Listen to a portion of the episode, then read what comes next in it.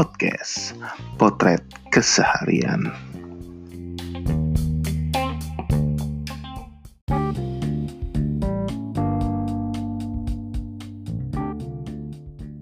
Oke, selamat datang di podcast Potret Keseharian. Jadi setelah kemarin episode pertama uh, podcast itu kita ngomongin soal Mobile Legends, bergunjing soal Mobile Legends, kita akan pindah ke topik bahasan yang masih seputar sehari-hari gitu kan. Di episode 2 ini gue bakal undang teman-teman gue. Jadi ada Cisna di sini. Halo Cisna. Halo. Nah, Cisna ini adalah seorang pegawai uh, di perusahaan ternama di Jakarta. Dan dia juga punya podcast loh, namanya Not a Cheesy Talk. Jadi buat pendengar-pendengar podcast gue ini, boleh lo dengerin podcastnya dia di Not a Cheesy Talk, hanya di Spotify dan Anchor. Nah, dan satu lagi di sini kita saling membantu promosi. Jadi di sini juga uh, ada lagi temen gue, namanya Rahma. Rahma mana suaranya?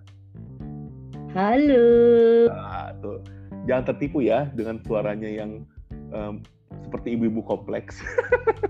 ya, kayak lagi beli bawang ya. Lagi beli bawang. Enggak kok, tapi uh, anaknya asik, ramah.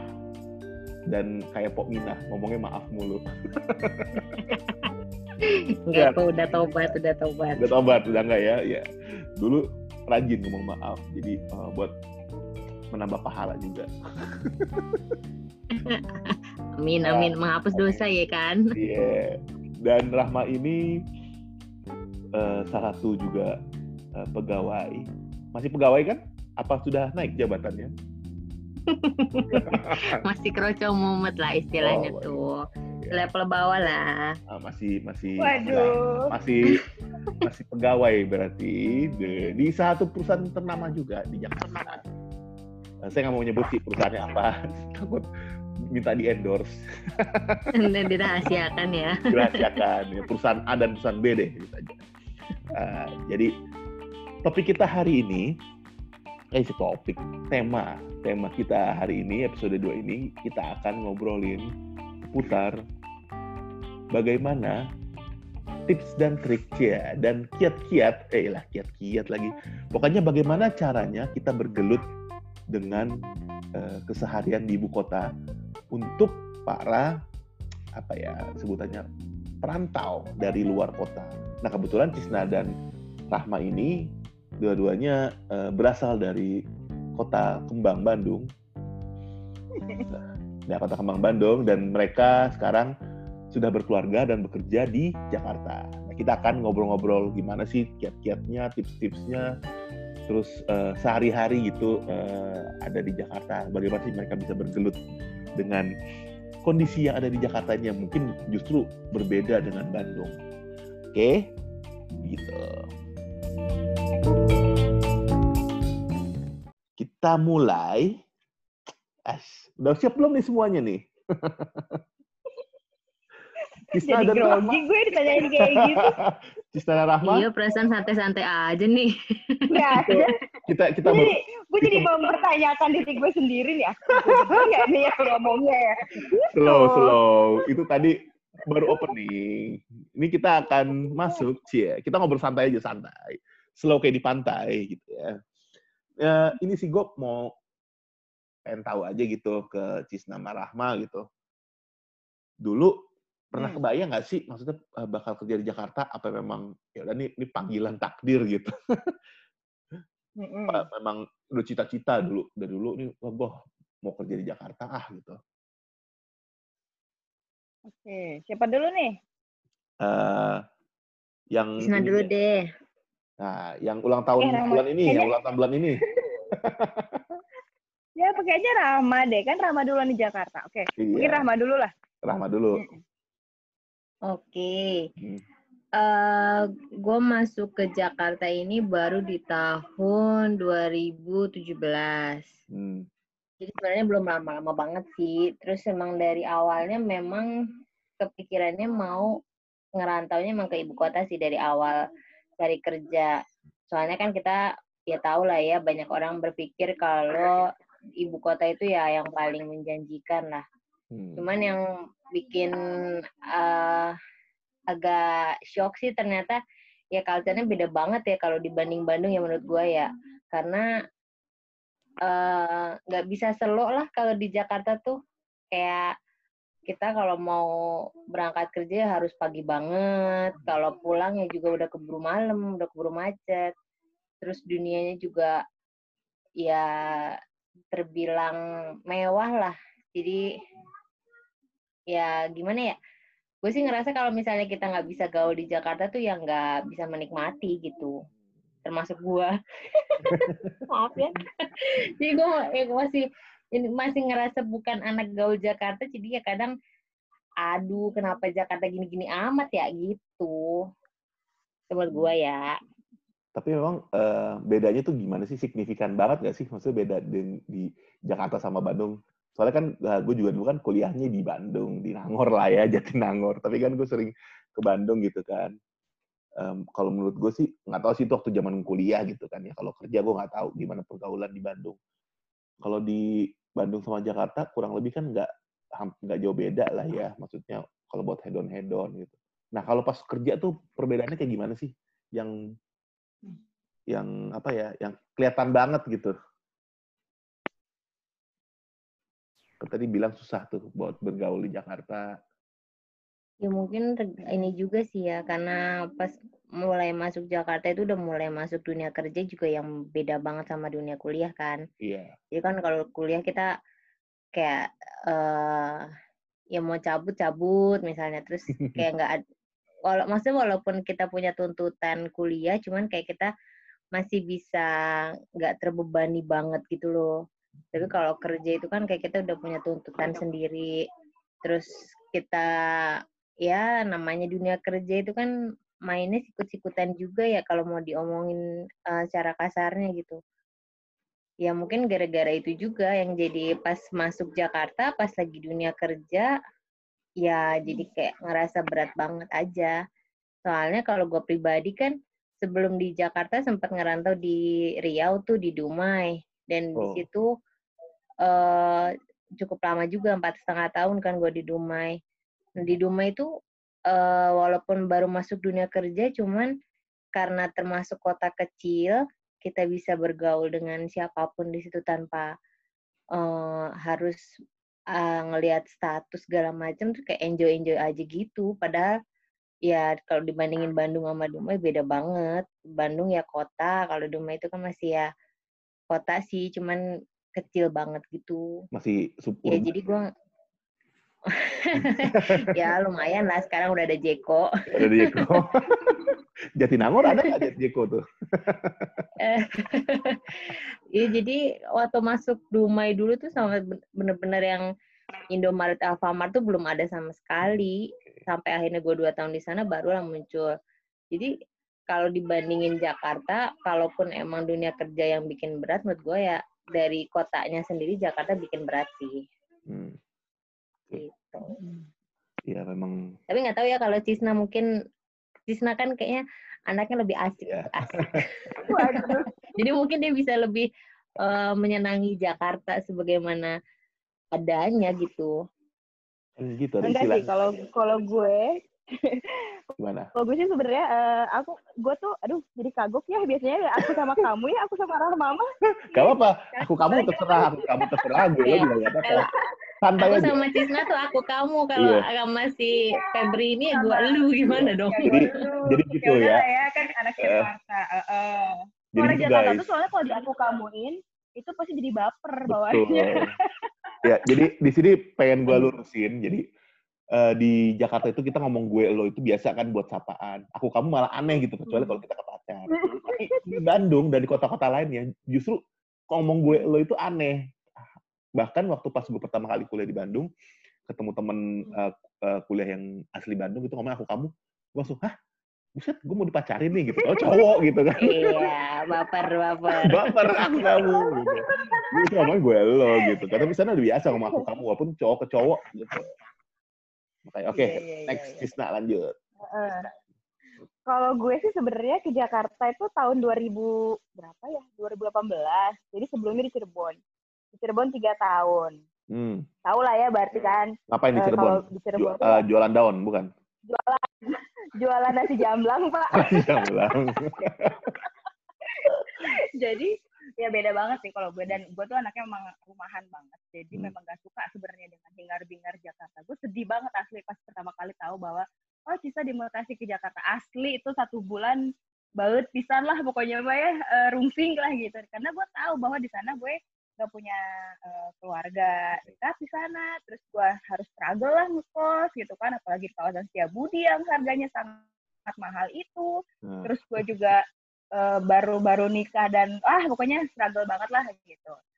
Dan tahu sendiri bahwa di Jakarta itu orang-orangnya pun berbeda dengan di daerah. Kalau di Bandung, kenapa kita kalau Rahma sama gue kan dulu memang suka uh, proyekan bareng lah gitu ya. Hmm. Dan memang orangnya slow karena memang orang-orang Bandung itu slow men, iya, gak serusuh di Jakarta gitu. Di Bandung itu mau makan apa aja daun juga gampang gitu dimakan hmm. pakai sambal tuh bisa makan enak gitu kan Terus orang-orangnya ya memang uh, memang karena alam geografisnya juga enak buat nyantai gitu kan ya semuanya membuat kita menjadi uh, di difasilitasi untuk menjadi orang yang slow gitu. Hmm. Sementara di Jakarta tuh nggak bisa kayak gitu. Mau slow dikit lo pasti akan di akan rusuh lagi gitu. akan akan dibawa dibawa bersak berusuk naik KRL aja lah penuh kayak gitu kan. Nggak mungkin kita mau slow ah nyantai naik KRL nggak mungkin gitu kan. Terus mau makan ini tuh harus bisa mandiri gitu. Terus juga ya betul kata Rahma tadi di situ juga eh, kadang ada karena karakteristiknya berbeda-beda ada yang pulang itu ke Tambun ke Bekasi ke Bogor. Jadi semua orang tuh blok di Jakarta dengan segala kepusingan transportasinya jadi semua emosi tuh ya replacementnya di, di kantor gitu. Jadi mungkin banget itu ada yang ikut-ikutan di kerjaan lah, terus ada yang punya pemikiran-pemikiran negatif dengan kita, apalagi kita sebenarnya nggak seperti itu. Belum lagi misalnya ada ada masalah di rumah, kenanya di kantor. Jadi banyak lah, memang harus mental kuat baja tuh bener sih di Jakarta. Gue merasakan itu. Begitu. Bener gak, Mak? iya, nyambung dikit ya. Jadi kalau replacement masalah replacement tadi kalau misalnya gue stres kan kalau di Bandung tinggal makan terus murah ya kan? Yo i cilok men sebelah ya kan? iya, terus jajanannya tuh banyak banget. Terus pas di sini aduh gue stres nih terus cari makanan. Edan mahal-mahal pisan. Begitu nemu Oh, oh, ya gitulah. Ternyata ya ibu kota kejam. Ya lebih kejam daripada ibu tiri. Ya. Tapi mungkin kalau kalau gue jadi inget juga salah satu quote dari film Warkop katanya gini Jakarta hmm. kota keras kalah bersaing akan tergilas bener gak tuh? Yoi, bukan keren banget, keren banget. Nah, ya kalau kita kalau kita nggak gercep gitu, nggak gercep terus nggak kreatif itu pasti bakal kayak apaan sih ini orang nggak nggak nggak eksis banget sih kayak gitu sih. Hmm. Ya. Oke, uh, jadi yang bisa gue simpulkan di sini memang pertama itu ada banget perbedaan itu dari apa namanya uh, dari eh, sebentar ada yang mau join lagi nih namanya Budi teman kita juga. Nah ini nih beda nih kalau Budi ini dia tuh dari Padang jadi ntar bisa kita gali lagi. Eh tapi hmm? tapi Budi tuh gaul abis loh di Jakarta. Nah, itu dia. Salut, itu, salut. itu dia tuh yang kita butuhkan. Jadi perspektif yeah. dari Budi yang gaul banget, yang kayaknya easy going, enjoy life banget kan. Habis. Oke kita, uh, halo Budi, udah join? Belum, seperti Jadi kalau bisa gue simpulkan tadi tuh ya ada perbedaan di situ. Mungkin karena di Bandung itu lebih kayak apa ya namanya uh, single kultural kali ya. Jadi kan memang Bandung itu rata-rata kan dominasinya dari orang-orang uh, sekitar Bandung, orang Sunda lah ya. Kalau ngomong gitu. Karena kalau Jakarta itu kan multikultural, multirasial. Jadi uh, iya orang Jakarta asli sendiri malah terpinggirkan kan, malah juga banyak orang-orang pendatang yang memang ya beda-beda dari sifat, dari uh, secara secara uh, asuh kultural segala macam kan beda. Terus kedua itu yang kalau gue lihat sih uh, perspektif orang soal Jakarta, Jakarta itu tempat mengadu nasib, tempat mencari uang. Jadi bawaan itu uh, kayak apa ya kayak harus menggebu-gebu harus uh, kreatif harus dipush terus diforsir intinya di Jakarta lu cari duit, cari duit, cari duit. Makanya orang-orang itu kebanyakan nggak santai. Sementara kalau di Bandung, kalau gue lihat vibes-nya itu, perspektif orang-orang soal Bandung itu kota liburan, kota tempat tinggal. Jadi orang-orang lebih santai. Bener nggak? Mm-mm. Ya Benar, kan? benar. Sama kayak Jogja, Solo. Ya, gitu. Jogja, Solo gitu. Bahkan kalau menurut gue juga eh, mungkin kayak Malang sama Surabaya walaupun deket tapi beda gitu. Malang tuh kayak yang lebih kota liburan, santai. Eh, Surabaya itu yang kayak Jakartanya gitu. Malah kan deket. Itu cuma dua jam doang kan sama kayak Jakarta, Bandung gitu. Terus eh, satu lagi juga kalau gue lihat si siapa namanya si Jakarta ini ya tadi itu kan banyak pendatang, multikultural. Eh, terus vibes-nya itu memang vibes apa namanya eh, buat nyari uang gitu buat eh, apa namanya buat apa namanya sih? Gue lupa ada ngomong apa. Pokoknya bu- Cari buat apa sih? buat apa namanya buat inilah buat menyambung hidup lah gitu. Kalau kalau di Bandung kan memang beda. Nah satu lagi yang pengen gue lihat eh, pengen gue eh, sorotin di sini kondisi geografisnya. Kalau gue lihat Jakarta itu kan pantai pesisir.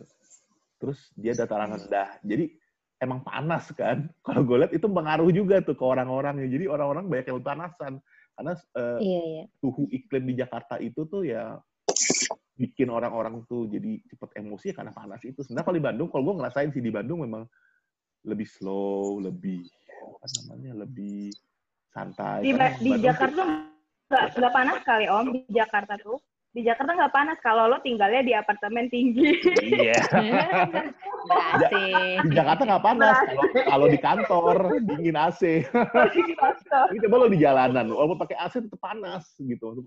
Ya. Eh, Iya bener, di jalanan tuh ya kalau di Jakarta orangnya nggak ada yang nyantai. Iya, Maksudnya naik motor, bentar-bentar klakson, bentar-bentar Iya. apa. Terus Iya. ya pengaruh polusi juga, polusi, yang panas. tadi gue bilang tadi kondisi geografis gitu. Mm-mm. Ya kalau di Bandung kan yang mungkin pegunungan, terus dingin, adem. Jadi walaupun se macet-macet di jalan masih adem lah gitu, buka kaca adem. Kalau Jakarta buka kaca Ya, buset. lihat. Copet ada. iya gitu. Kalau itu sih yang gue gue tangkap sih dari obrolan kita tadi gitu. Nah, ini jadi ada baru gabung lagi. Nah, Budi, Nah, Coba Budi perkenalkan diri dulu. Apa nih? Apa aja nih yang mau diperkenalkan? Eh, nama, Aduh. Iya. Iya. Nama, ya Budi. Budi. Bu, Bu, di ini, Apalagi? Budi. Iya. Nah, ini Budi. Ini Ini Mama Budi. Terkenal loh di SD loh. Iya. Guru-guru SD manggil dia semua loh. Iya ya. Eh sorry ya, tadi tuh beneran handphone gue tiba-tiba mati lagi di jalan. Oh Jadinya iya ya, dong, kan soalnya dia eksis banget. Oke. Heeh, pasti Ah, kalau ah. Budi. Iya. Abis nge-gym ya, Bud ya? Abis nge-gym ya lo ya? Iya, abis abis yoga barusan. Oh, udah buka ya tempat-tempat yoga gitu, Bud? Hah? Udah buka lagi tempat-tempat yoga, tempat gym gitu ya? Udah, jadi enaknya tadi kan karena udah pada buka, tapi ke orang masih pada takut ya. Emang sih bukannya gue nggak takut, gue takut juga. Tapi karena orang lagi jarang keluar, jadi pas Hmm. di kelas itu gue sendirian, jadi gue berasa private gitu loh. Hmm. Asik. Bayarnya sama Jadi tapi. bayar, bayarnya sama, tapi gue berasa kelas private. Jadi gue memanfaatkan keadaan seperti itu. Hmm. Oke. Eh, ah, sebentar, ini waktunya kan 10 menit lagi. Mungkin nanti Mm-mm. eh, apa namanya kita stop dulu, terus kita pindah ke room baru, ya biar panjang. Karena mungkin ini belum cukup, gitu ya. Oke. Iya, lanjut aja dulu, Kong. Hmm, Jadi di sini gue mau nanya Budi nih. Tadi gue udah kita bertiga, Cisna, Rahma, sama gue udah ngobrol panjang lebar gitu. Kenapa sih kalau Budi ini eh, tertarik gitu kerja di Jakarta? Apakah eh, lo dulu memang keinginan cita-cita tuh kerja di Jakarta? Kan lo gue tahu eh, maksudnya lo dari Sumatera Barat, Padang, terus kuliah di Bandung. Tapi kenapa mau kerja di Jakarta? Kenapa nggak misal balik ke Padang atau di Bandung aja gitu? Kenapa sih? Apa sih yang bikin lo tertarik itu ke Jakarta? Tertarik ke Jakarta mungkin lebih kecemplung kali ya. Kalau dulu sih waktu kuliah, eh waktu SMA pilih kuliah ke Bandung karena eh, mungkin ada prestis kali ya ketika Hmm. eh, lu sama teman-teman apa teman-teman segeng lu nanya, lu mau kuliah ntar mau di mana?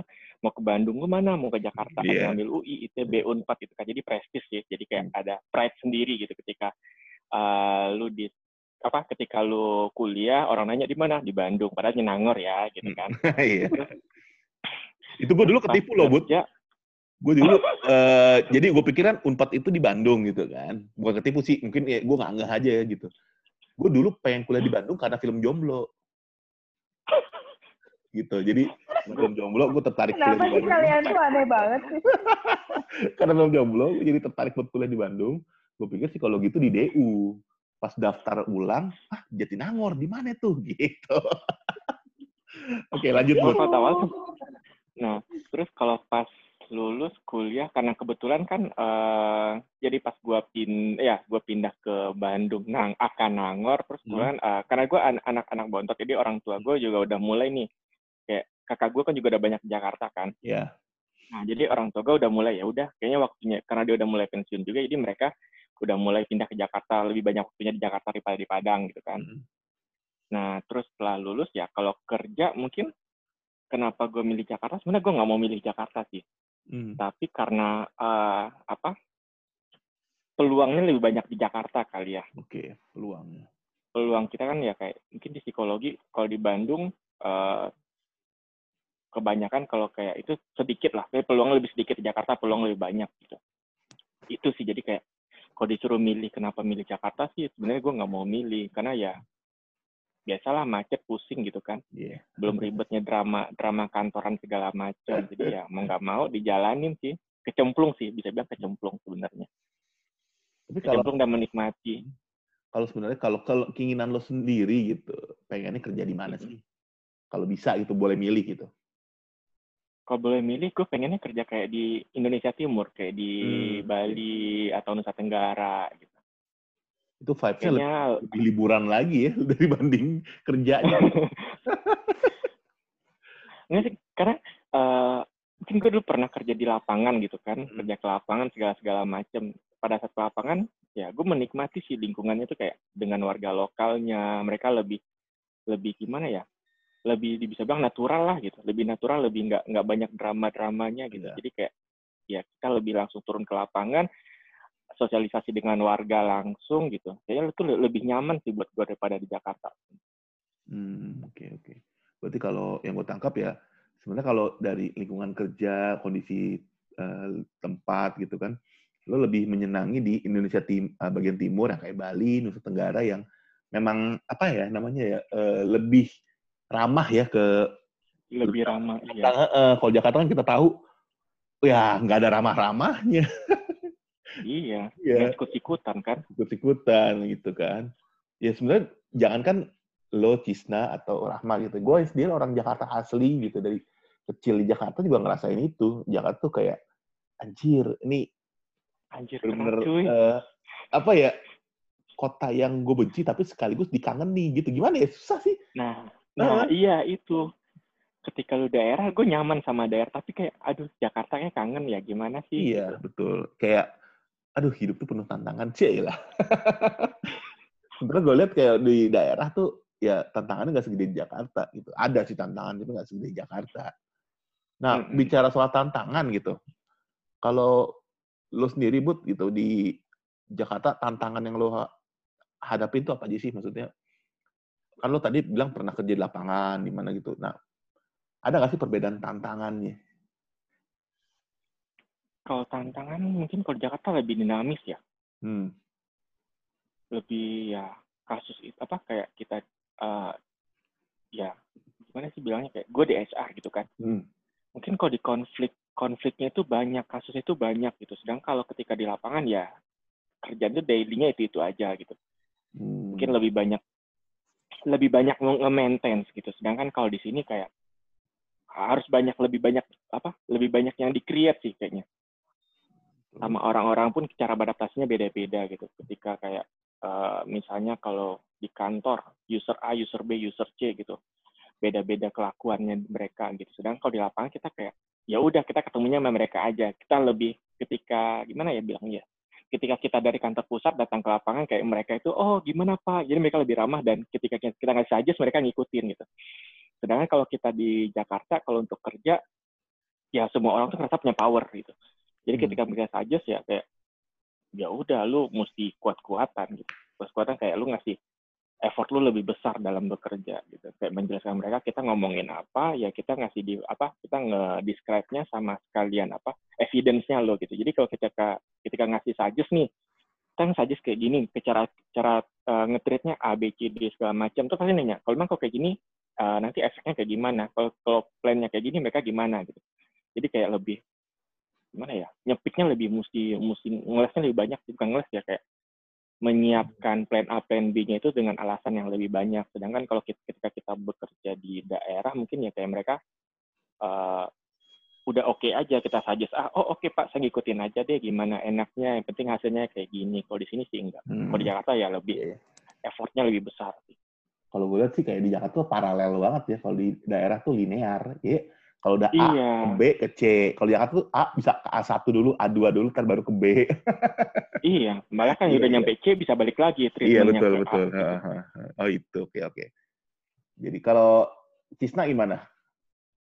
Apaan tuh? Tentang apa ya, tuh? Itu, kalau Budi tadi kan tantangannya Jakarta hmm. tuh kayak kerjanya tuh lebih, uh, kalau gue tangkap ya. sih lebih paralel gitu. Kita harus bisa uh, menghandle banyak uh, cara, harus punya alternatif, uh, karena dari yeah. A bisa bisa ke B, C balik lagi ke A segala macam gitu. Kalau Cisna gimana tuh? Kalau gue sih sebenarnya, hmm. gue sebenarnya sangat menyetujui ya kalau di, hmm. di Jakarta itu banyak tantangan. Tapi kita harus ngeliat juga sisi-sisi positifnya bahwa dengan tantangan yang banyak itu berarti opportunity kita juga jadi banyak gitu hmm. buat iya. nah, iya. mengambil peran yang besar gitu. Karena kalau kita di lapangan kita hanya mengambil peran hanya yang kecil doang di lapangan aja kan di field.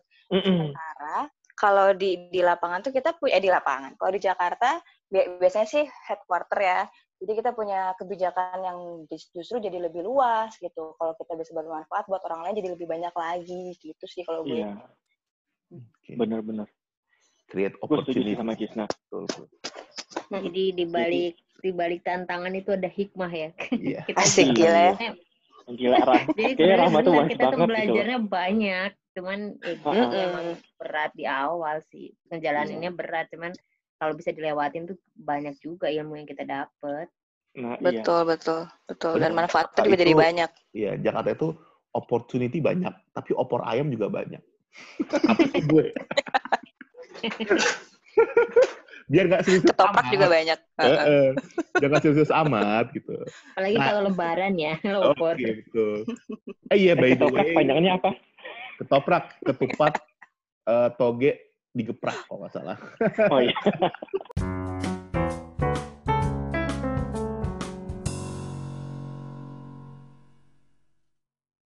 ya oke okay, guys, kita lanjut lagi di podcast episode kedua. Jadi di segmen uh, ini yang, yang tadi sudah sempat kepotong, kita akan lanjut ngobrol-ngobrol lagi nih. Obrolan-obrolan kita masih banyak dan makin seru dengan teman-teman gue, uh, Cisna, Rahma, dan Budi Cisna Rahma ini dari Bandung, Budi ini dari Padang. Oke, okay, jadi uh, selanjutnya nih, Cie, gue buka lagi uh, dengan pertanyaan, kalau di Jakarta ini nih, selama lo kerja, terus uh, kalau pulang itu lebih sering lembur apa tenggo? Hmm. Nah, itu Gak kan seru tuh. Tenggo. Kenapa? Mari coba eh, coba Rahmat. Tadi nggak pernah tenggo. Waduh, udah jelas ini bahaya bos soalnya. Justru karena gue masih rempahan rem, apa remahan remahan rempeyek gitu kan. Jadi Rahma nggak pernah tenggo ya? Uh, uh, sebenarnya paling enak tuh kalau tenggo. Kenapa? Soalnya kan gak keburu macet ya. Ya. Ya, lu mau naik gojek, mau naik apa, tapi kan pasti kena macet tuh. Nah, hmm. jadi sebenarnya paling enak tenggo. Cuman dalam kenyataannya ya jarang banget sih selalu selalu overtime yang nggak dibayar. Aduh, sabar ya, Mak. Kualitas ya, Mak. Untung saya tidak menyebutkan apa perusahaannya ya. iya, kan dirahasiakan. Makanya berani ngomong gini ya. Iya, nggak apa-apa bebas. Kan dedikasi kan, kan dedikasi tinggi tidak henti, Mak. iya, mulai kebayang itu lagunya apa ya kan. Oke, uh, kalau Budi gimana Budi? Ya, kalau dulu kan gue sempat di dua culture ya, dulu sempat di corporate sama sekarang di startup. Hmm. Kalau dulu corporate ya tetap aja sih, sempat dulu nyoba-nyoba buat pulang tenggo, tapi seminggu pertama gue langsung di ini ditembak sama bos gue. kamu pulangnya tenggo mulu ngejar apa sih di rumah emang ada yang kamu rutin gitu habis itu gue nggak pernah pulang tenggo lagi nah kalau yang di sekarang Gua- nah Tadi gue pikir ditembak jadian gitu loh. Jangan jangan terus nah kalau di startup tuh enaknya gini eh, mereka lebih fleksibel sih kayak eh, jam masuknya itu kan flexi time gitu kan. Jadi ya udah kalau misalnya pagi berangkat pagi kan macet tuh biasanya ya. Hmm. ya gue biasanya berangkat tuh udah jam 9 jadi kan di kantor tuh bisa nyampe jam sampai jam setengah setengah sebelas tuh masih oke nyampe kantor gitu kan. Jadi gue berangkat agak siang terus pulangnya ya hitung aja jam kerjanya eh, 81 gitu jadi kalau misalnya gue datang jam 10 nih, berarti ya gue pulangnya jam jam 7 atau setengah 8 gitu. Ah, iya. Jadi mereka lebih fleksibel sih jadinya. Jadi ya tenggo atau enggak, kalau di sekarang sih lebih nyantai ya. Malah hitungannya tenggo pun ya jam 8 pun tenggo ya itu ya. Kalau Jam 8 pun tenggo. Karena kalau datang kalau gue datang jam jam 11 ya jam 8 itu gue masih tenggo sebenarnya. Betul, betul.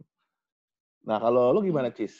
Biasanya gimana? Tenggo atau? Kalau kantor gue tuh sebenarnya masuk jam 7 kan normalnya, Hmm. keluar jam 4 atau Hmm. flexi time jam setengah 8 keluar setengah 5. Hmm. Alhamdulillahnya kerjaan gue sih masih bisa dikerjain besoknya ya. Jadi gue berusaha berusaha untuk sedemikian rupa biar gue pulang cepet lah gitu. Soalnya juga nggak tahu ya kalau Rahma mungkin berbeda, mungkin Budi juga berbeda di startup. Tapi eh, kita kan punya culture-nya masing-masing gitu di, di perusahaan. Ada juga kok temen gue yang bener-bener balik tuh jam 8 malam. Nah, alhamdulillahnya nih sekarang ya waktu pandemi COVID ini nih ya, ini blessing in disguise banget kalau menurut gue.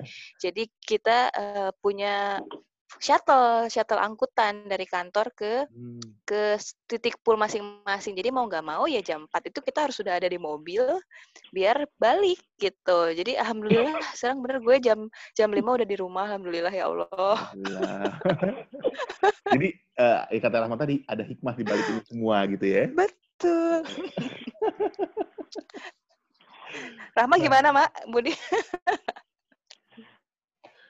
Iya Nah, kalau Gimana, Budi? sejak uh, di COVID sih uh, enak. Iya, kan dari apa sih levelnya pun kayak kebijakan perusahaan pun kayak ya kita udah mulai kita memang udah mulai WFO lagi, tapi ya kita Mm-mm. mengefisienkan aja waktunya di kantor. Ini kan kayak di, di beberapa divisi ya kayak mereka datang cuma tapi data ketemu klien, habis itu tuh ya mereka pulang gitu. Nah, kalau di divisi gue kebetulan ya kita sebagai jaga kantor gitu kan. Jadi ya kayak misalnya datang, gue bisa gue pagi datang nggak nggak bisa pagi nggak terlalu datang, nggak terlalu pagi sih, biasanya jam 10 jam 11 gue datang. Terus kalau misalnya jam 3 mereka udah mulai pada pulang, udah tinggal dua atau tiga orang, ya udah gue ikutan pulang gitu. Tapi kalau misalnya rata-rata, tapi sejak kita mulai WFO, ya jam 5 itu udah sepi banget sih. Jadi ya jam 4, jam setengah 5 udah bisa pulang. Mm-mm. Tapi Jadi ya jam normalnya sih pulangnya malam ya, Bud ya? Kalau sebelumnya normalnya malam sih. Mm-mm. Iya. Kayak Karena juga kan, gue lihat uh, sih kalau- sekarang, ah, Enggak, karena kan kalau di startup rata-rata kan eh, core bisnisnya di IT ya. Jadi kan IT biasanya mereka nge-launch program, ah nge-launch apa eh, aplikasi itu mereka malam kan. Soalnya kalau siang kan rame. Jadi mereka bisa nge-launchnya malam. Hmm. Jadi ya, jadi eh, makanya kadang kalau pulang itu jam 8, setengah 9 sih sebenarnya di kantor masih rame gitu. Nungguin mereka udah ditinggal kalau paling ditinggal kayak udah tinggal tim IT-nya aja ya udah kita pulang karena kalau nungguin IT bisa mereka di kantor jam 2 jam 3 kan. iya. IT gue juga dulu pernah kerja, eh, apa namanya, di kantor gue dulu. Kalau IT itu pulang jam 3 pagi, jam 4 pagi itu biasa gitu. Biasa, iya. gitu. Jadi paling kalau Iya, malah ya, jadi aneh kalau aplikasi nggak nyala. cepet Mm-mm. ya. Mm-mm. Kalau IT pulang pagi, eh IT pulang lebih awal malah jadi pertanyaan ngapain lu gitu. Iya. Tapi Mm-mm. gitu kalau IT ya patokannya kayak- fleksibel juga waktu masuknya Mm-mm. gitu. Mm-mm. Nggak, nggak, nggak ngikutin jam kerja kita yang biasa gitu lah kalau IT kan. Iya, uh-uh. Gitu. Terus Iya lebih lebih fleksibel lah. Mhm. Mm-mm. kalau eh Rahma belum ini ya. Rahma oh di mute. nah, tadi kan kita oh ada ada. Oke, jadi tadi kan kita udah ngomongin soal kerjaan, perusahaan, kantor, kayak agak berat kan ya. Gue mau ngajakin eh, lo bertiga nih sekarang main games dulu lah. Cie, main games dulu. Ada hadiahnya enggak? Iya. Eh, hadiahnya se- senyum manis dari saya yang berkumis. Oh, duh, duh, duh, duh, duh, duh. Gak usah deh, gue kalah aja lah. Oke, jadi Buat siswa, buat eh, ya ini sih main gamesnya sih sederhana aja gitu. Jadi Hmm. gue bakal nyebutin dua kata. nanti uh, lo milih dan kasih alasannya kenapa milih itu gitu. Oke, siap Oke. semuanya? Gila, siap semuanya. Kita mulai ya. Yang pertama nih. Hmm. SCBD atau senopati? Anjir. Coba lo Cis. CBD aja deh. Eh, Senopati, Senopati. Senopati, Bud. Kenapa, Bud? Coba. Anjir, Senoparty. Kenapa, Bud? Senopati, Bud. Senopati, sepanjang jalannya makanan. Jadi gampang. Tinggal belok mana makanan semua. Kalau SCBD makanannya mahal-mahal. Mendingan Eh. Senopati. Betul. Gue pernah tuh ngerasain tuh di SCBD jam makan siang eh, lagi ada apa Hmm. namanya? Lagi ada kunjungan gitu ke sana nyari makanan. Anjir. Bener makanan tuh harus kayak di kafe-kafe gitu loh, kayak di coffee shop gitu. Iya. Nyari yang ketoprak pinggir jalan gitu nggak ada. Nggak ada. Iya. Terus Iya, paling iya kalau itu ke, ke kantin karyawan yang di bawah SCBD tuh. Itu yang rame. Tapi itu umpen-umpetan banget. Tapi ya itu, gue mau ke situ orang naik lift kan, aduh itu penuh banget. Makanya Semua kalau- ngeburu ke sana kali. Heeh. Iya. gue gue mikir ah gue males ah kalau kerja di SCBD atau ada eh, apa gitu urusan di SCBD males ah mending eh, eh, maksud gue gue mendingan ke ke daerah Sudirman atau ke Senayan gitu sekalian di sana masih Mm-mm. bisa lah nyari-nyari makan yang murah gitu kalau kalau SCBD Iya. hampir nggak ada gitu agak ya emang levelnya Ya, beda sih. sepanjang jalan di gang-gang masih banyak gerobakan loh. betul kan duit kita juga buat gerobakan ya sebenarnya ya Iya. Iya. Kalau itu Ya, boleh lah sekali-kali makan yang mewah-mewah, tapi jangan setiap hari gitu. Nah kalau lo gimana Cis? SCBD atau Senopati? Karena deket kantor gue prefer SCBD, tapi gue juga makannya sih dibayarin temen, eh nggak pernah makan sendiri di sana. Oh, kita senasib ya, Cis ya? Senasib, jangan kita sekantor, Mak. Jangan yang bayarin lo itu Rahma. iya, jangan-jangan. Iya, bisa jadi gitu.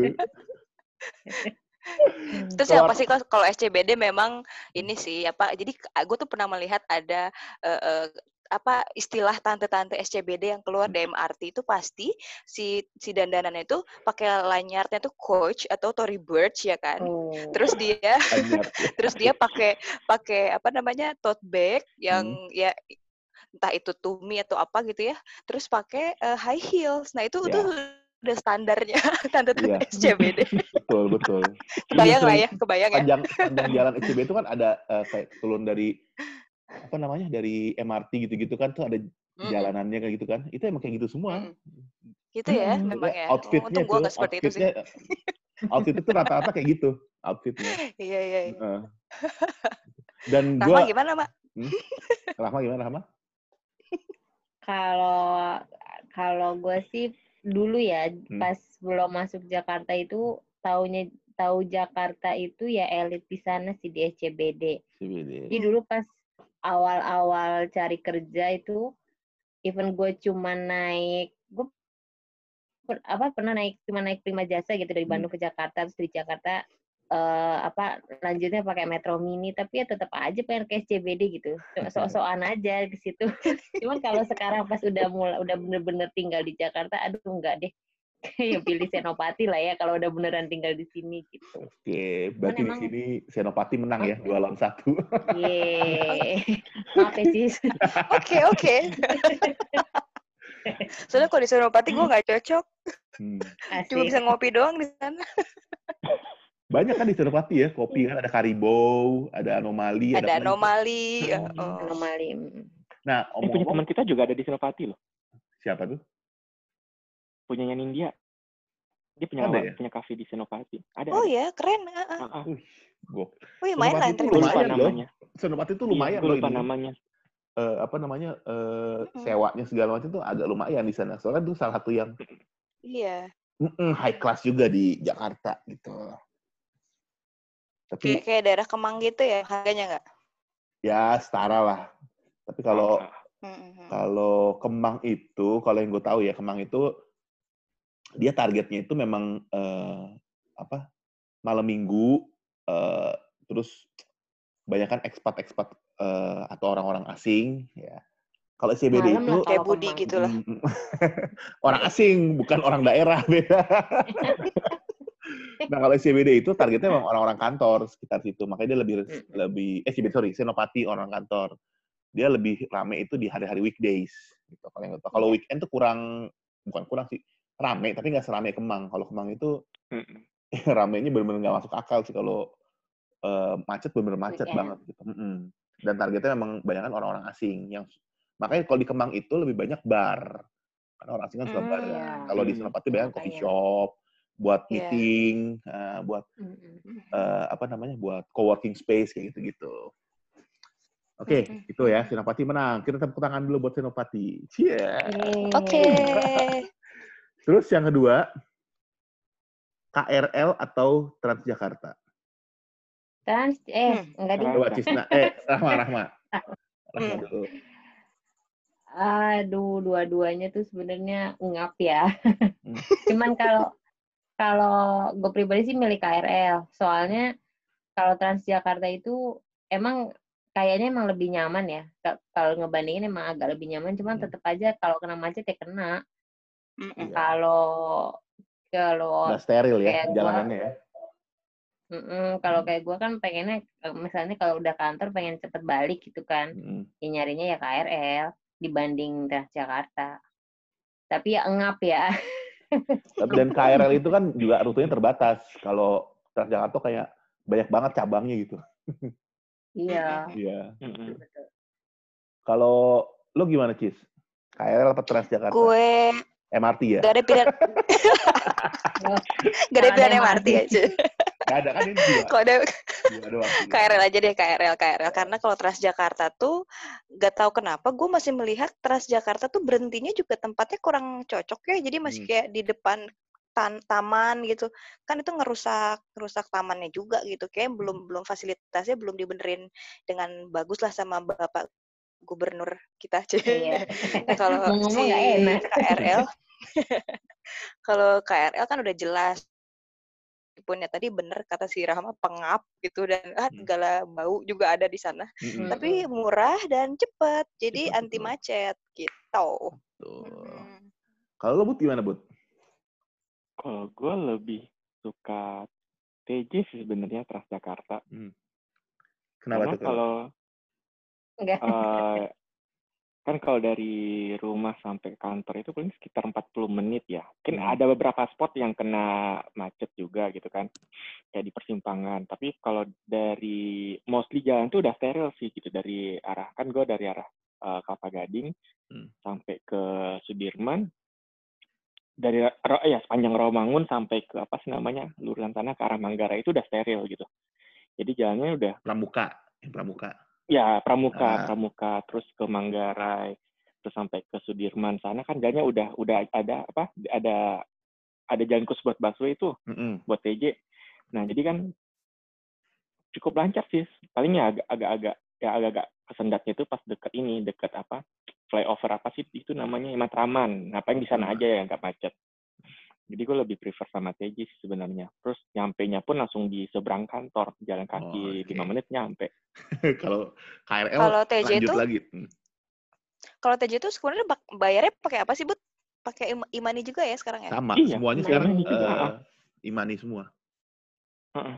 Terus yang enak lagi kalau menurut gue sih TJ itu kan dia ada yang apa kayak bus apa yang bus yang ke arah-arah kecil-kecil tuh Hmm, ya. apa peng, peng, apa, Bus AP. AP, APBD, ah APBD lagi. APBD Bukan. mah ini. peng- kayak, kayak, yang temen-temen apa kalau namanya? kalau Gua TJ lupa. kan dia berhentinya di halte-halte gede. Nah kalau Mm-mm. yang bus yang kecil-kecil tuh kayak pengertiannya kayak di Tebet tuh ada tuh yang dia berhenti Bis di depan feeder mana. namanya, feeder. Ya feeder feeder oh iya gitu. ha-ha. Nah ada ada itunya jadi kayak ya menurut gue sih cukup cukup nyaman ya karena kan sekarang Hmm. juga jumlahnya cukup banyak jadi pas naik itu juga udah nggak nggak serame kayak beberapa tahun sebelumnya Iya. kalau tahun-tahun dulu kan mungkin padat banget sekali naik. Sekarang kan kayak sekali tiga ya sekali tiga menit sampai lima menit dia udah lewat satu. Jadi cukup banyak sih. Jadi nggak cukup nyaman sih sekali ini. Tapi kalau soal penuh sih, gue pernah sih waktu itu eh, dari mana namanya tuh? Dari daerah Asidikiyah, eh, apa tuh namanya itu? Kedoya, Iya, kedoya. Iya, Ah, jalan kedoya, panjang, jalan panjang. jalan iya. panjang. Itu gue mau ke arah apa namanya yang mau ho- Bak Bulus. hotel Ciputra bukan yang kebalikan hotel Ciputra Grogol Oh, Nah, itu penuh banget Grogol. sore sih sore jam setengah empat gitulah itu penuh banget terus dari Grogol gue mau ke arah Pinang Ranti kan gue turunnya di itu di Pancoran itu masya Allah penuhnya mantap bung itu masih penuh sih masih yang wah gila nih. Terus udah gitu bener kata Rahma tadi nggak steril. Jadi terutama di ini loh di mana? Depan Kuningan Barat tuh yang depan Balai Kartini. Itu sama pas yang mau masuk pancoran itu waduh mantap banget itu mantap Hmm. jiwa lah. Itu sih yang Mhm. gue juga kalau kalau disuruh milih gue milih KRL karena walaupun pengap walaupun penuh tapi dia pasti gitu kecuali lo ngelewatin Manggarai ya Iya, kalau ngelewatin Manggarai Dari waktu sih KRL. ya lebih bisa exact time gitu loh lebih bisa diperkirakan Iya. Kalau lewat Manggarai ya, kalau lewat Manggarai itu nggak bisa diperkirakan tuh. Oke, kalau gitu sekarang berarti Karena semuanya di situ ya bermuara. Hmm. Sekarang pemenangnya KRL. Tepuk tangan buat KRL. Hmm. Terus satu lagi nih gamesnya nih. Eh, mall atau cafe? Mallnya apa dulu nih kalau kokasma ya jangan. Ini mall aja sih, mall atau cafe. Cafe atau coffee shop lah gitu. Mall atau cafe coffee shop. Hmm. Silakan pilih. Gue mall jelas. Mall. Kenapa mall? Karena di mall ada kafe. Ada coffee shop ya bisa dapat dua-duanya dong. Hmm, Gimana oke, sih? oke, oke. Kan ada orang yang lebih mungkin lebih suka di coffee shop pinggir jalan atau coffee shop, coffee shop yang terpisah dari mall. Nah, seperti itu. Oh gitu. Hmm, Enggak, gue tetap mall aja deh. mall. Berarti amol banget ya, anak mall. Anaknya amol banget ya. Mallnya apa nih? Bukan mall. Jatos kan? Bukan Jatos kan? Eh apa ya? Kalau Bintaro Exchange nggak masuk Jakarta ya? Enggak, itu itu coret. Kita coret dulu. Itu bukan Jakarta. Coret. Kalau Jakarta misalnya tadi tuh Kokas itu Jakarta atau Sensi. Itu GI. Kokas tuh kota dalam kota itu. Iya, betul. Tapi Kokas masih Mallnya lebih, gue lebih Kokas tuh masih lebih lebih, manusiawi sih dibanding GI. Hmm. Kalau GI itu kayak lo masuk dari mana keluar dari mana lo nggak tahu lo bisa sampai sini dari Iya, mana benar. gitu. Heeh. Kalau bener. Tuh masih bisa ke Bener. tracking gitu. Oh, pusing nyampe banget di- ya Allah. gue bisa nyampe di sini karena lewat sini Tapi, sini sini. tapi kokas parkirannya horor tahu. Kenapa? Parkirannya kenapa?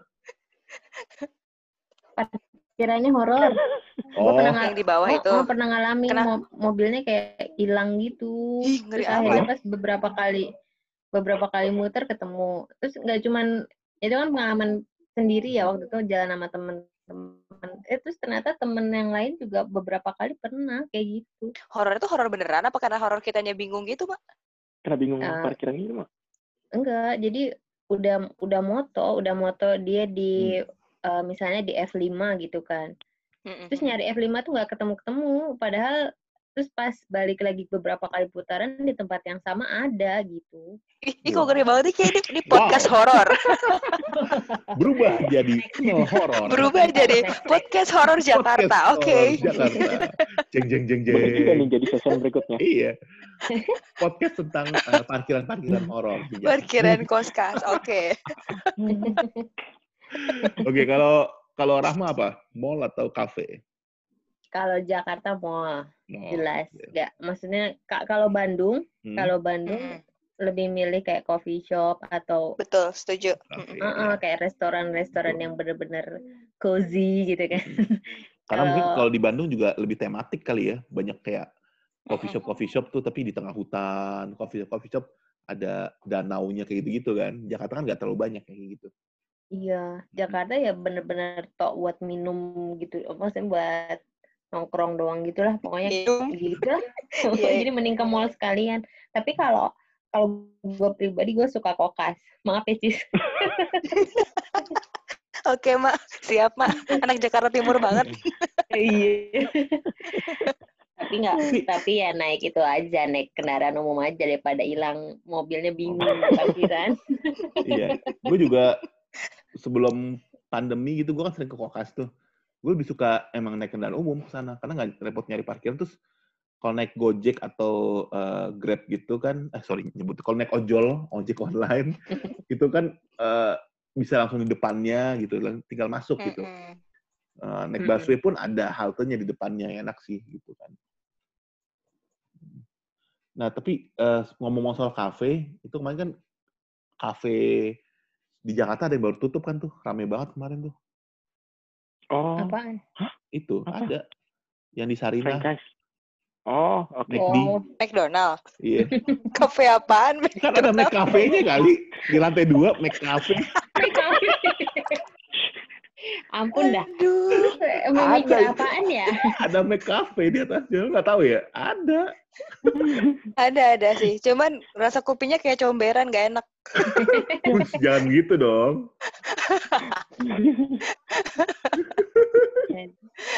Iya iya. Iya. Kenapa lo nggak ikutan? Lo nggak ikutan ke sana? Oh, Kong, lo kan anak Jakarta banget tuh. Enggak Nggak ikutan dong. nostalgia McD.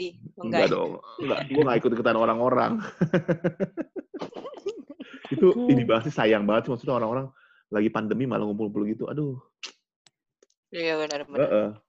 Tapi tapi emang sih kalau gue sendiri nih sebagai orang Bandung yang ke Jakarta memang sering banget kan ke Sarinah gitu kan maksudnya ke, Hmm. ke daerah Tamrin situ dan McD itu adalah salah satu tempat spot favorit kita kalau ketemuan gitu kan sama teman Iya. kayak iya udah yuk di McD gitu kan. banget ya. Jadi mm-mm, jadi kayak kita tuh oh iya ya oh sedih ya padahal di sana tuh banyak memori gitu padahal sebenarnya ya nggak sering-sering banget cuman memang ikonik aja sih kayaknya. Memorinya apa sih? Paling cuma mesen panas spesial dua sama McFlurry udah memori apa sih?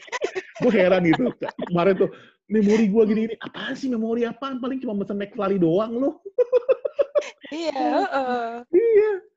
Hmm, makanya memorinya lebay sih kalau kata gue sih orang-orang sih kemarin. Lebay ya. Nggak segitunya, bener, nggak segitunya, heeh, lebay aja. Apaan sih? Cuma pesan McFlurry sama panas doang, memori apaan ya? Orang Indonesia tuh memang suka bernostalgia, Om. Iya, tapi ya lebay aja sih menurut gue itu. Kalau lo gimana, Bud? Milih mall atau kafe? Hmm, gue lebih suka kafe. Oh, Hmm.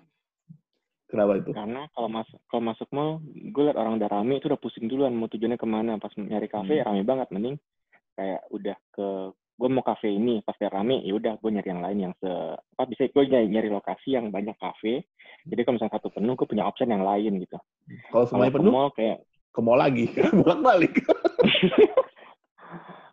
soalnya kan ada ada beberapa tempat Hmm. yang eh kafe menurut gue yang yang gue banget itu Hmm. nggak terlalu ramai banyak orang gitu. Jadi biasanya kalau gue udah udah ke sana nemu oke tempatnya sepi ya udah gue gue bakal sering ke situ lagi gitu. Jadi gue nggak nggak tuh nggak pindah-pindah. Main kalau ya paling kalau udah ramai banget ya gue nyari ke tempat yang satunya lagi. Biasanya sih yang gue pilih itu memang kafe-kafe sepi.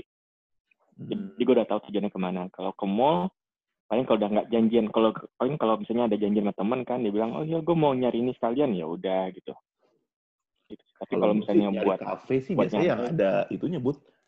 Ada promo Grab atau Oh, ada Diskon promo ya? nih. Diskon nggak apa-apa dia di situ aja deh. Walaupun kopinya nggak enak gitu, yang penting promo.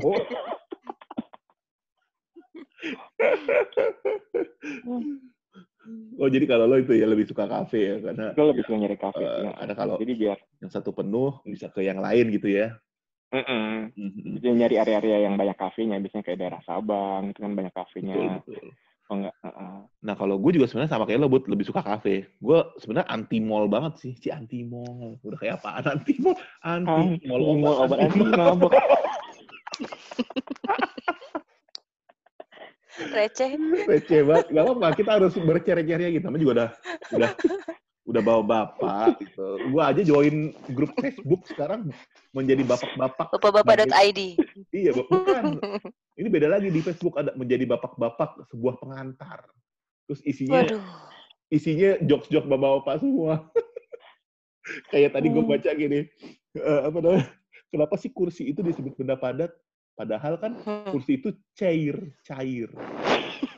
Oh, mantap sekali. Itu jokes bapak-bapak. Itu cair, cair. Oke, mantap sekali. Saya suka jokesnya. Iya gitu-gitu. Jadi kayak, ya sekarang humor-humor receh lebih masuk sih di gue daripada humor-humor yang mikir. Aduh. Nah, ini tadi kita udah habis main games ya, yang tentunya dipenuhi oleh eh, gelak tawa dan canda. nah, sekarang gue mau nanya nih ke lo bertiga. Selama kan Cisna nih 2018 ya di Jakarta gitu kan. Rahman juga 2017 gitu kan di Jakarta. Budi malah lo lebih lama lagi Bud ya tadi Jakarta. Hmm, mungkin kalau dari zaman kuliah gue bolak balik Jakarta tuh kan dari 2000 banyak sering mulai sering dia 2010 tapi kalau udah netap banget 2013 kali ya 12 oh, lebih lama lagi ya berarti.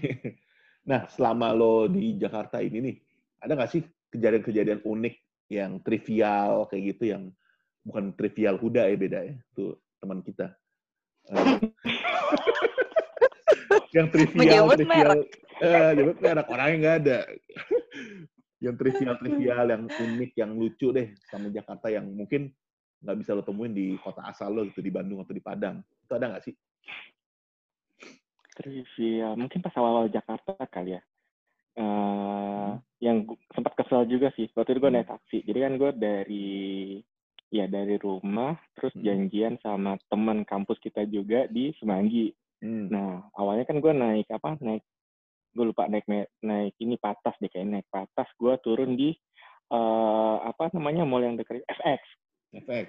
Nah, janjian ke Semanggi nih, iya. Karena gue nggak tahu tuh Semanggi posisi di mana. Terus karena gue mikir daripada ntar gue nyasar naik bus ke Jawa, ya udah gue naik taksi. Terus dibawa puter sama supir taksinya ke Sleepy. Terus pas gue selesai kan, pas pas gue arah pulang lah, kan tadi gue tujuan gue sini. Sen apa? Eh GBK FX seberangnya ngapain gue dibawa puter ke Sleepy ya? Setelah itu gue baru ngeliat Tuhan ternyata gue sebego-bego itu dan dibego-bego itu masuk ke taksi sekarang gue masih ingat. Iya. awal-awal di Jakarta. Sampai sekarang sih masih masih kesel masih kesel. Kalau diingat-ingat kesel juga sih. Ya Tuhan tuh bertaksi ngebohongin gua bawa muternya segitu gitu. Mungkin dia sepertaksinya mikir "Ya, ini orang-orang baru deh kayaknya. Ah, ya iya. dari sini. Ke Semanggi ngapain dia pakai taksi segala Dan itu nggak pernah lo temuin ya di di Bandung kayak di Padang gitu nggak pernah ya maksudnya diputer-puterin Enggak. taksi nggak. iya Oke, kalau lu gimana Cis? Ada kejadian-kejadian yang Apa ya? eh paling mungkin cuma beda istilah aja kali ya kalau di Jakarta sama di Bandung kayak misalnya kalau di Bandung kan makanan makanan kesukaan gorengan tuh namanya bala-bala ya kan. Kalau Ah, di situ iya. namanya di Jakarta tuh nggak bukan Bakwan. bala-bala tapi bakwan gitu ya. Heeh, kayak gitu-gitu lo sih. ngomong Terus bala-bala nggak ada yang tahu. ya lucu Kalau istilah ah bala-bala. ada. Oh, Lagunya naon bala-bala iya. gitu kan. Bolo-bolo anjir. bolo-bolo kopong Terus ya paling paling ya norak-norak aja sih pas pertama kan. Wah, gedungnya tinggi ya. Terus eh, liftnya dibagi dua, dibagi empat gitu. Kayak Jadi gue kayak eh, norak gitu. Paling gitu aja sih. Karena nggak ada kan di Bandung kayak gitu. Aduh. Ya itu juga sama sih yang gue eh, rasain waktu ke Bandung sih. Pas oh, itu kayak Hmm. bala-bala apaan? Bala-bala. Oh ini ini bakwan namanya gitu. Heeh. Malah di Jakarta Hmm. bala-bala ya itu yang hewan berkaki banyak itu kan. eh apa tuh Eh Laba-laba. Aduh. ya ketukar-tukar dikit lah bala-bala laba-laba Gitu. Kalau Rahma gimana pas nyampe Jakarta selama tinggal di Jakarta ada nggak sih kejadian-kejadian yang unik yang nggak pernah ditemuin di Bandung gitu Nggak unik sih, cuman nyebelin ya. Jadi Nah. waktu itu, waktu kalian juga unik apa sih. namanya?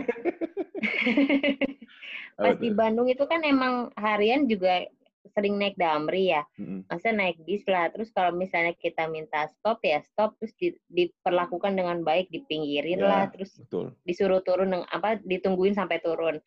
Nah waktu itu gue lagi belum dapat kerja, lagi cari kerja yang tadi Hmm. gue cerita gue naik prima jasa, gue lanjut metro mini, sosok mau ngirit kan. Ah. Pas gue minta berhenti, dia emang berhenti cuman kaki gue belum turun dia udah maju terus gue jatuh gue jatuh keseret di trotoar sampai Astaga. akhirnya interview celana gue bolong dong lututnya itu Ya sampai nahan sakit Tapi itu celana lutut. memang bolong kan? Kalau celana nggak bolong gimana masukin kakinya? eh maaf maaf lututnya cuy yang bolong bukan Oh, bawahnya aduh itu nggak banget deh pokoknya habis itu ah, naik metro itu udahlah nggak usah lagi trauma Langsung Ya. trauma ya. Emang gitu sih kalau naik metro mini. Makanya kalau gue sih bersyukur sih sekarang metro mini kalah sama TJ dan MRT. Emang apa ya metro mini tuh dari dulu jadi momok banget gitu. Udah bawa ugal-ugalan. Berarti kalau kita bawa mobil nih di belakang metro mini, aduh paling males. Makanya gue ya sekarang bersyukur sih metro mini eh, tergerus oleh zaman juga gitu. Mm-mm. Gue dulu awal pernah naik metro mini, gue agak-agak traumanya pas ini. eh ya tahun berapa ya? Gue udah mungkin 2010-an, 2011 gitu deh. Pas naik metro mini, baru, baru pertama kali gue naik, terus depan gue langsung copet. Abis itu gue parno. Wah iya, itu ngeri sih emang. Nah, Terang-terangan itu itu gue le- Hmm. lebih lebih milih pakai naik patas. Iya. Oh, patas mini kan masih- udah udah udah masih ya masih manusiawi lah walaupun rame-rame juga gitu Hmm. kan. Betul, betul. Oke, ini kita menuju lima menit terakhir nih. Nah, sebelum gue tutup, gue pengen eh, ini sih pengen nanya closing statement soal Jakarta nih dari kalian semua. Gitu. Dari Budi deh, closing statement tentang Jakarta gimana sih? Hmm, kalau statement Jakarta, eh ya gimana ya bilangnya ya? Emang sih Jakarta rame, bikin pusing, tapi ngangenin bener kan Nah. tadi kayak yang pas dibahas di awal. Bener banget. Lu bisa nemuin semua, baik itu nemuin positifnya, negatifnya, ya udah lu cobain aja. Terus pasti ntar ujungnya lu nikmatin sendiri, walaupun lu tahu keadaan kotanya kayak gitu gitu. Orang-orang yang gimana, tapi ya menikmati aja gitu. Enak aja, ada aja gitu terus yang baru gitu. Betul, betul. Jadi ya itu kayak gue bilang tadi ya, dibenci tapi dikangen nih gitu. Ya kan? Ya, tapi kayak pikiran ya menikmati gitu. Betul. Kalau lo gimana, Cis? Hmm. Closing statement Kalau soal gue Jakarta. mungkin, Hmm. kalau gue sih mungkin eh, sebagaimanapun Jakarta menurut kita jangan sampai Jakarta tuh merubah diri kita padanya gitu sih. Jangan sampai kayak kita harus di mata orang tuh jadi keren, jadi baik ya. Hmm. Tetap aja be yourself lah gitu. Kalau kayak gitu, ya udah jangan jadi kebawa-bawa Jakarta yang sebenarnya bukan lo banget gitu. Hmm. Gitu aja sih. Oke, oke, oke.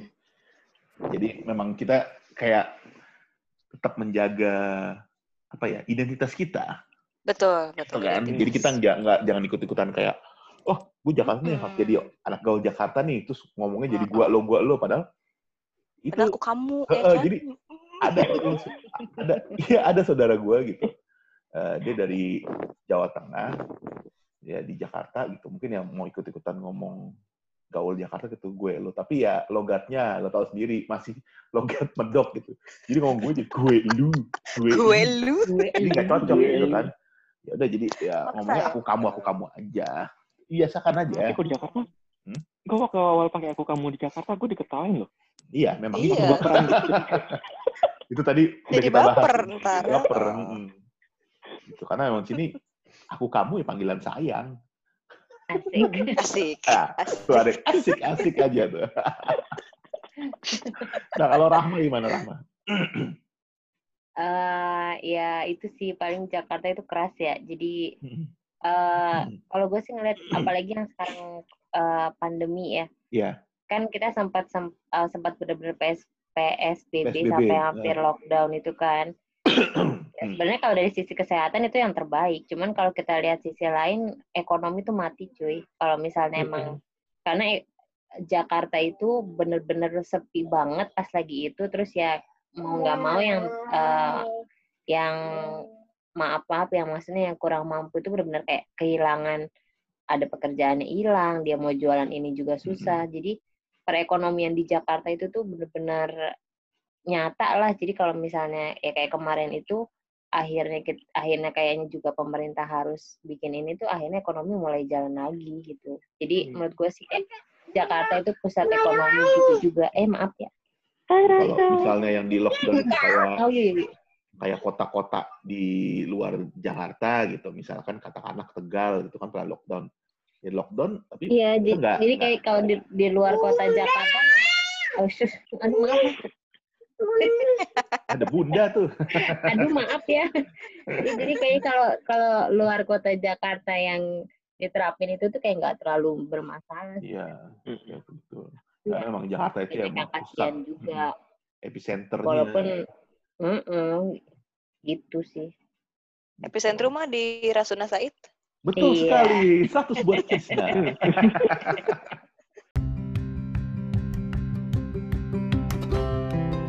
Oke, gitu lah guys. Eh, buat pendengar podcast episode kali ini, mungkin sekian dulu eh, obrol-obrol kita tentang bagaimana sih kita bergelut di Jakarta dengan teman-teman saya, Cisna, Rahma, dan Budi.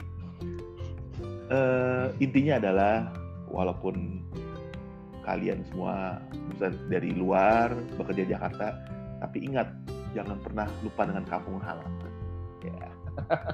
Bener nggak tuh? Bener bener bener. Betul. Bener, betul. Bener. Terus juga, Tapi pulang ke Padang ongkosnya mahal loh. iya sih. tapi kan kampung nan jauh di Mato gitu, buat. Walaupun Iya. eh, nan jauh di Mato, tapi jangan lupa untuk eh, merindukan kampung halaman. Makanya kita bergelut di Jakarta harus tetap berpikiran positif. Ini banget ya gue ya ngomong kayak motivator banget ya. Bagus, bagus. Berat. Benar-benar. Berat. Langsung mengilhami gitu. Merasuk gitu ke jiwa gue. Langsung merasuk ya. gitu ya. Oke, jadi segitu aja guys. Eh, buat yang dengerin podcast ini, semoga eh, bahasan kali ini tuh bisa jadi inspirasi kalian dan bisa Enggak sih bermanfaat kayaknya. buat kalian. Susah nih kamu nutupnya nih. ya intinya sih, eh, pokoknya tetap cintailah Jakarta ini dan bangun Jakarta ini eh, supaya Jakarta dan Indonesia bisa lebih berjaya ke depan. Oke guys, gitu aja. Amin. Uh, thank you buat semuanya. Kita bertemu lagi di episode berikutnya. Dan uh, sama-sama. Dan salam. Bye. Bye semuanya. Bye. Next horor-horor Jakarta ya. Iya. Itu boleh loh.